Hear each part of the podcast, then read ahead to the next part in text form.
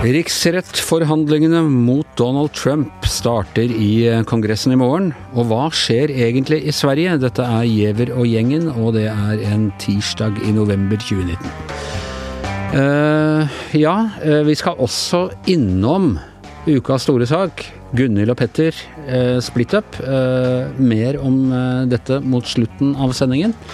Uh, ta det mindre viktige først. Uh, I dag, eller nei, i morgen blir det, uh, så, så, trer altså Representantenes hus sammen, Per Olav Ødegaard, for å, for å diskutere om de skal stille Trump for riksrett. Det er vel det som er oppgaven nå, er det ikke det?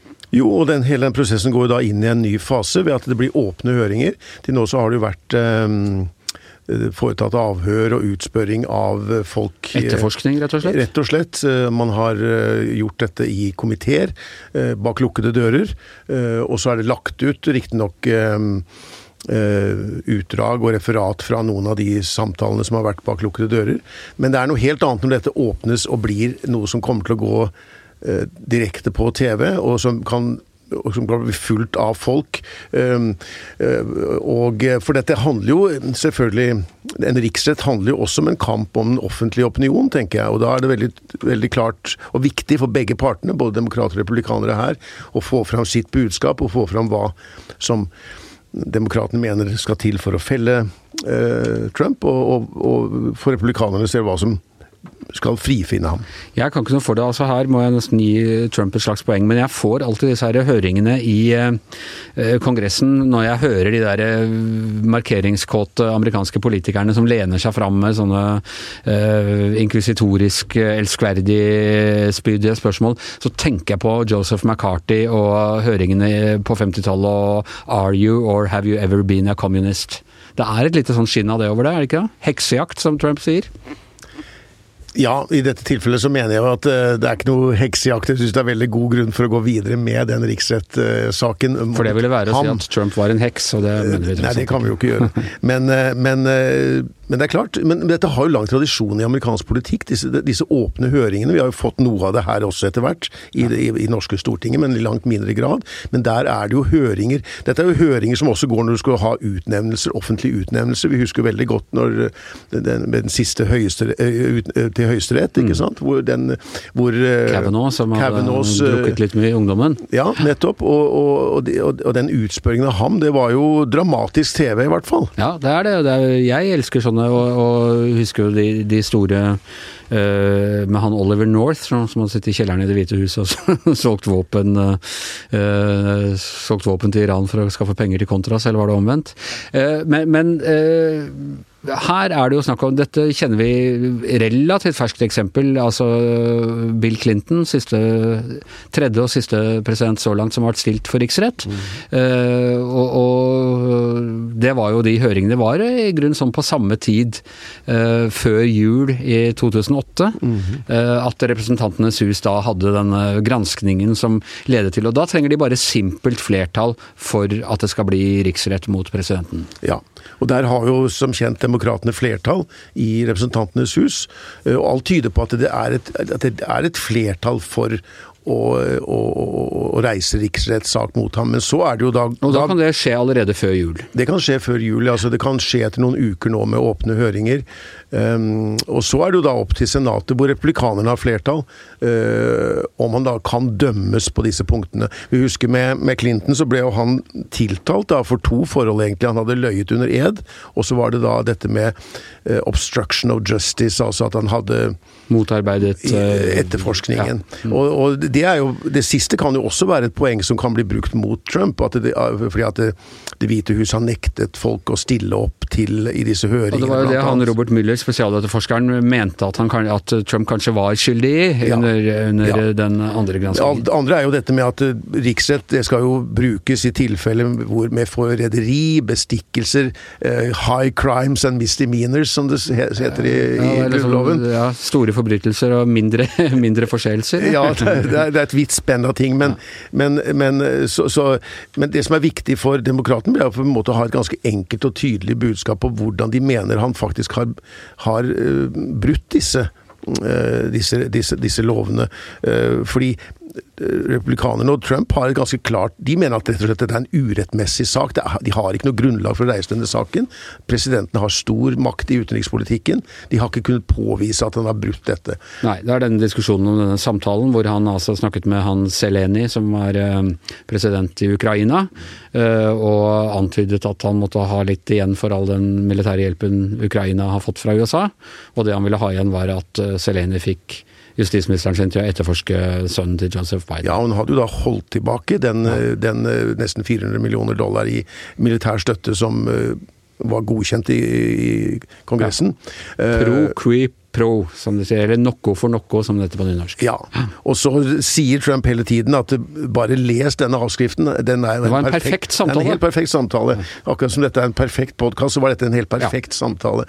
Men, men og det er ikke slik at det i samtalen sies at hvis du gjør dette, så skal du få de pengene. Så klart sies det ikke. Men det er jo derfor alle disse andre som kan forklare hva som egentlig har skjedd bak kulissene, kan komme inn og være det avgjørende argumentet. Men så skal du altså da, greit nok, de har flertall i Representantenes hus og de kan reise riksrett mot ham, men det skal jo et politisk mirakel til å få han dømt. For det er ikke bare at de skal ha rent flertall i uh, Senatet, noe demokratene ikke har. De skal ha to tredjedels flertall.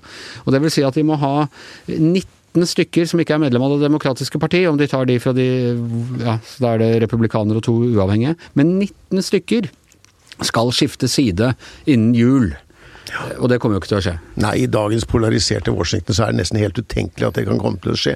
Det eneste måtte være, hvis det kommer fram så mye i de åpne høringene, at et stor andel av republikanerne anser at de ikke lenger kan støtte presidenten. Det er jo en teoretisk mulighet for det. Altså, jeg tror at det beste de kan håpe på, er å destabilisere presidenten såpass mye at han kanskje ikke vinner neste valg, men at de får han avsatt ved riksrett. det det er jeg villig til å sette en flaske saft og vann på. jeg tror ikke jeg vil vedde mot det. Nei. det ikke, nei vi tapte så mye i veddemål her for tre år siden, så ja, vi, vi, har slutta med hasard. ikke helt. Jeg har allerede gått ned et veddemål uh, når det gjelder uh, framtidige valg, men, ja. ja. men, det er dristig, ja. Enig. Ja, nei, jeg har, jeg har, lagt mine dager med hasard og brennevin og den slags bak meg etter at Trump ble valgt. Men vi får se, det blir veldig spennende å følge Eh, følge de eh, høringene eller eh, forberedelsene i Kongressen. Vi skal til hjemligere trakter. Sverige. Ny skyteepisode i natt. Hva er det som skjer der, Yngve Kvistad? Ja, hva skjer i Sverige? Det har jo da vært et år med veldig mange bombeeksplosjoner, skytinger, angivelig gjengoppgjør Eh, svenske aviser har sammenligna situasjonen i vårt ellers så eh, trivelige og fredelige naboland med situasjonen i, Nord-Irland på, på tidlig 80-tall. Eh, eller gjennom 80-tallet. Det er selvfølgelig en overdrivelse, for den, det som skjedde i Londonderry og, og Belfast Det er ikke politisk? Nei, nei, ikke sant? det var politisk terror, og det har en annen funksjon. og der, uh, Ikke minst det ved at gjerningsmannen da gir seg til kjenne. altså Det er jo en del av det er en del av den terrorens anatomi, som det heter. Det er liksom å, å ja, vite altså, Du skal presse gjennom forandringer i samfunnet ja, med vold? Uh, mens i Sverige så vet man ikke hvem som står bak. Altså, man, man antar jo da, med god, god, grunn til at det er interne gjengoppgjør, og at det er rivaliseringer som, eh, som eh, foregår. Uh, men av de altså nesten 190 anmeldelsene, 190 tilfellene det siste året, og de 103 helt konkrete bombeeksplosjonene, så er det altså bare seks personer som er blitt tatt inn til avhør, og samtlige er sluppet fri. Eh, fordi at de er, har vært grunn avslørt som bare som løpegutter for folk som, eh, som uh, står bak. da. Ja, for å ri en, en, en, av mine kjepphester. Altså, For de som bor i de områdene hvor dette foregår, så er det jo terror. Eh, det er jo. De gir vel blaffen i hva slags politiske eller religiøse ting som eventuelt måtte Eller kriminelle, eller om det er kriminelle ting som styrer. Hvis du bor i et område hvor folk blir skutt på gata på restauranter, og, og hvor det sprenger bomber som dreper folk, så er jo det et eh, terrorvelde. Ja, nå jo, har det jo et guds under ikke faktisk godt, eller godt liv tapt da, med, dere, med bombeeksplosjonene. Men men det har jo vært skytinger altså bare, i, 15-åring. ikke sant? bare i Malmö nå så har det jo vært 38 skytinger med dødelig utfall. og og Aftenbladet skriver i dag at det er bare seks som er blitt oppklart av, av politiet. Men det som kjennetegner disse bombeaksjonene, er at de har vært retta mot andre gjengmiljø. Altså Det ser ut som at det er internoppgjør. Altså sånn sett så minner det jo litt om, om den der tidlige mafiakrigen i Sør-Italia som kulminerte eh, i Palermo. da, Den som ble kalt La Matanza, altså slakteriet.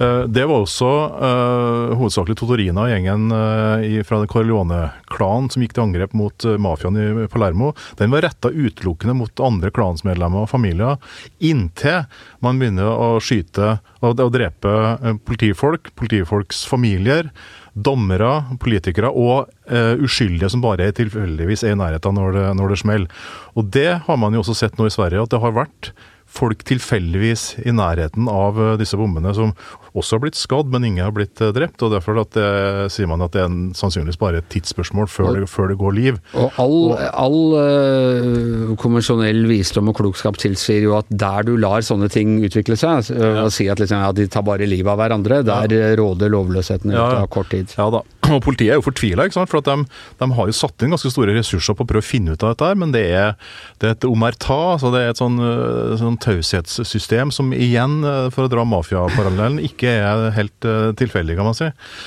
Så Og politikere klør seg i huet og, og sånn for å finne ut hva som er bak, hva som ligger bak. For det er jo også veldig mye at det der foregår jo i, i eh, miljø med, med enten høy innvandring eller høy tilflytting eh, av folk med såkalt fremmedkulturell bakgrunn og sånt, noe som da gjør at eh, selvfølgelig Sverigedemokraterna slår politisk mynt på dette her. Ja, det, Men er ikke, Med- er ikke det et øh, reelt poeng? Jo. At dette er et problem Sverige har pådratt seg fordi Jo. de har hatt for høy og ukontrollert innvandring? Jo, og det er Det har vært en eh, eh, en, en, en debatt som man over lang tid eh, ikke har våga å, å, å ta, blir det sagt. Nå er det også en sannhet med, med modifikasjoner. altså For sannelig har de debattert eh, både innvandring og, og, Det har vært problemer knyttet til på hvordan man kan diskutere det. Nettopp det. Ja. På andre siden av Øresund i Danmark, eh, som jo har hatt en mye strengere innvandringspolitikk, så har man jo også hatt veldig store gjengproblemer ja. og gjengoppgjør, og det, har vært et, pågått i, i, i mange år. Men nå har jo dette for så vidt spredd seg ved at det, det var jo flere eksplosjoner i København i august. Eh, som man, var, hvor man da mistenkte, og vel egentlig også uh, foretok pågripelse av svenske gjengmedlemmer som fikk ansvaret eh, for, for dette. Og nå har jo danskene innført grensekontroll eh, ved broen og ved fergen der over Øresund. Så at det, er jo det er jo ganske Det er jo ikke så vanlig Men til det, Norge har vi ikke noe spillover-effekt av dette her. Nei, ikke som jeg kjenner til.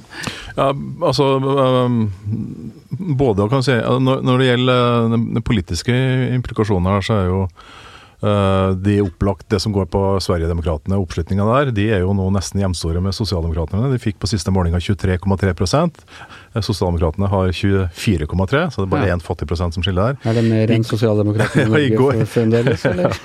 I går, I går så ble det stilt mistillit, så Jimmy Åkesson, lederen for Sverigedemokraterne, Sverigedemokraterna, stilte mistillitsforslag overfor si Morgan Andersson, altså Morgan Johansson, som er da den svenske justisministeren. Eh, de har fått eh, faktisk støtte fra de konservative. eh, Moderaterna, men så lenge at Senteren og liberalerne støtter regjeringa, som de har da forpliktet seg til å gjøre, så, så, så, skjer det jo ingenting. Regjeringa blir ikke felt på det.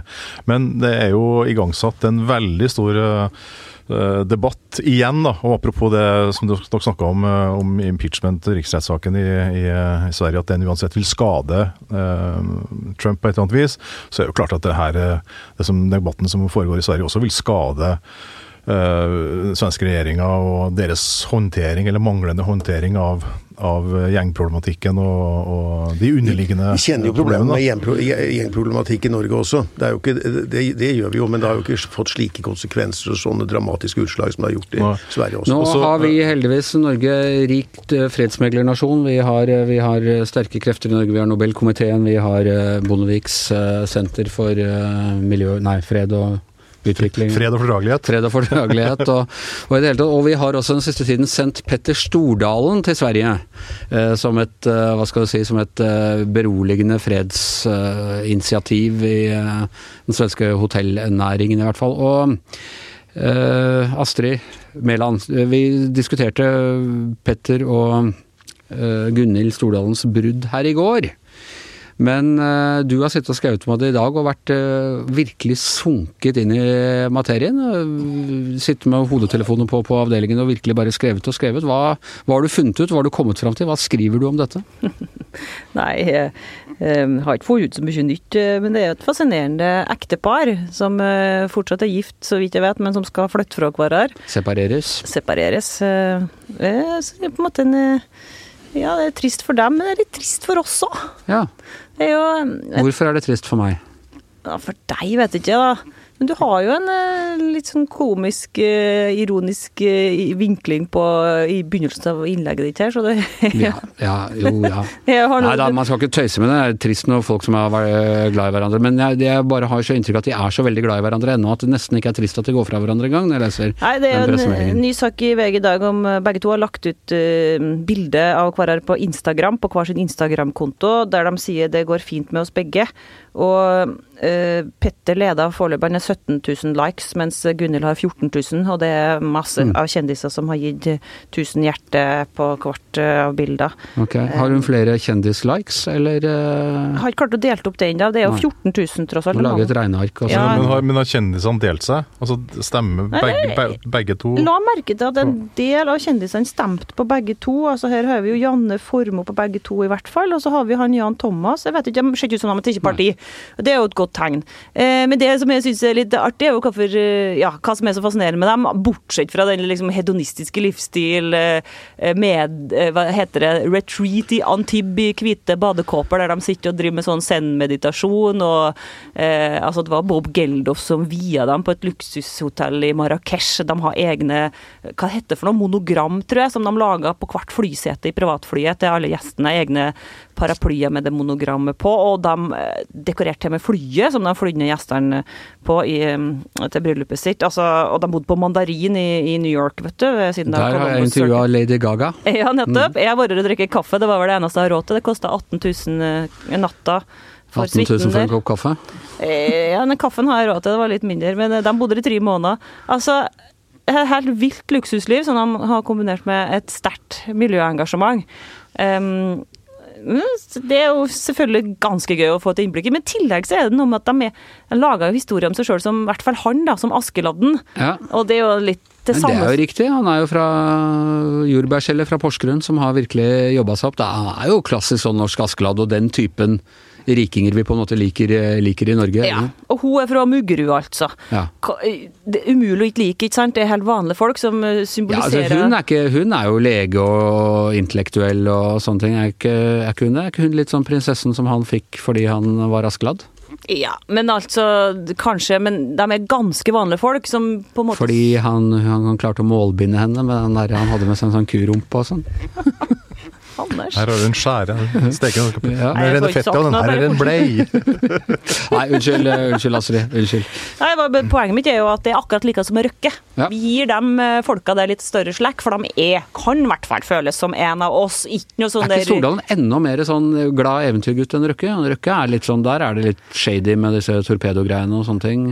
Ja, det er jo mange år siden Røkke var så utagerende skulle si, i offentligheten som Petter Stordalen alltid har vært. da.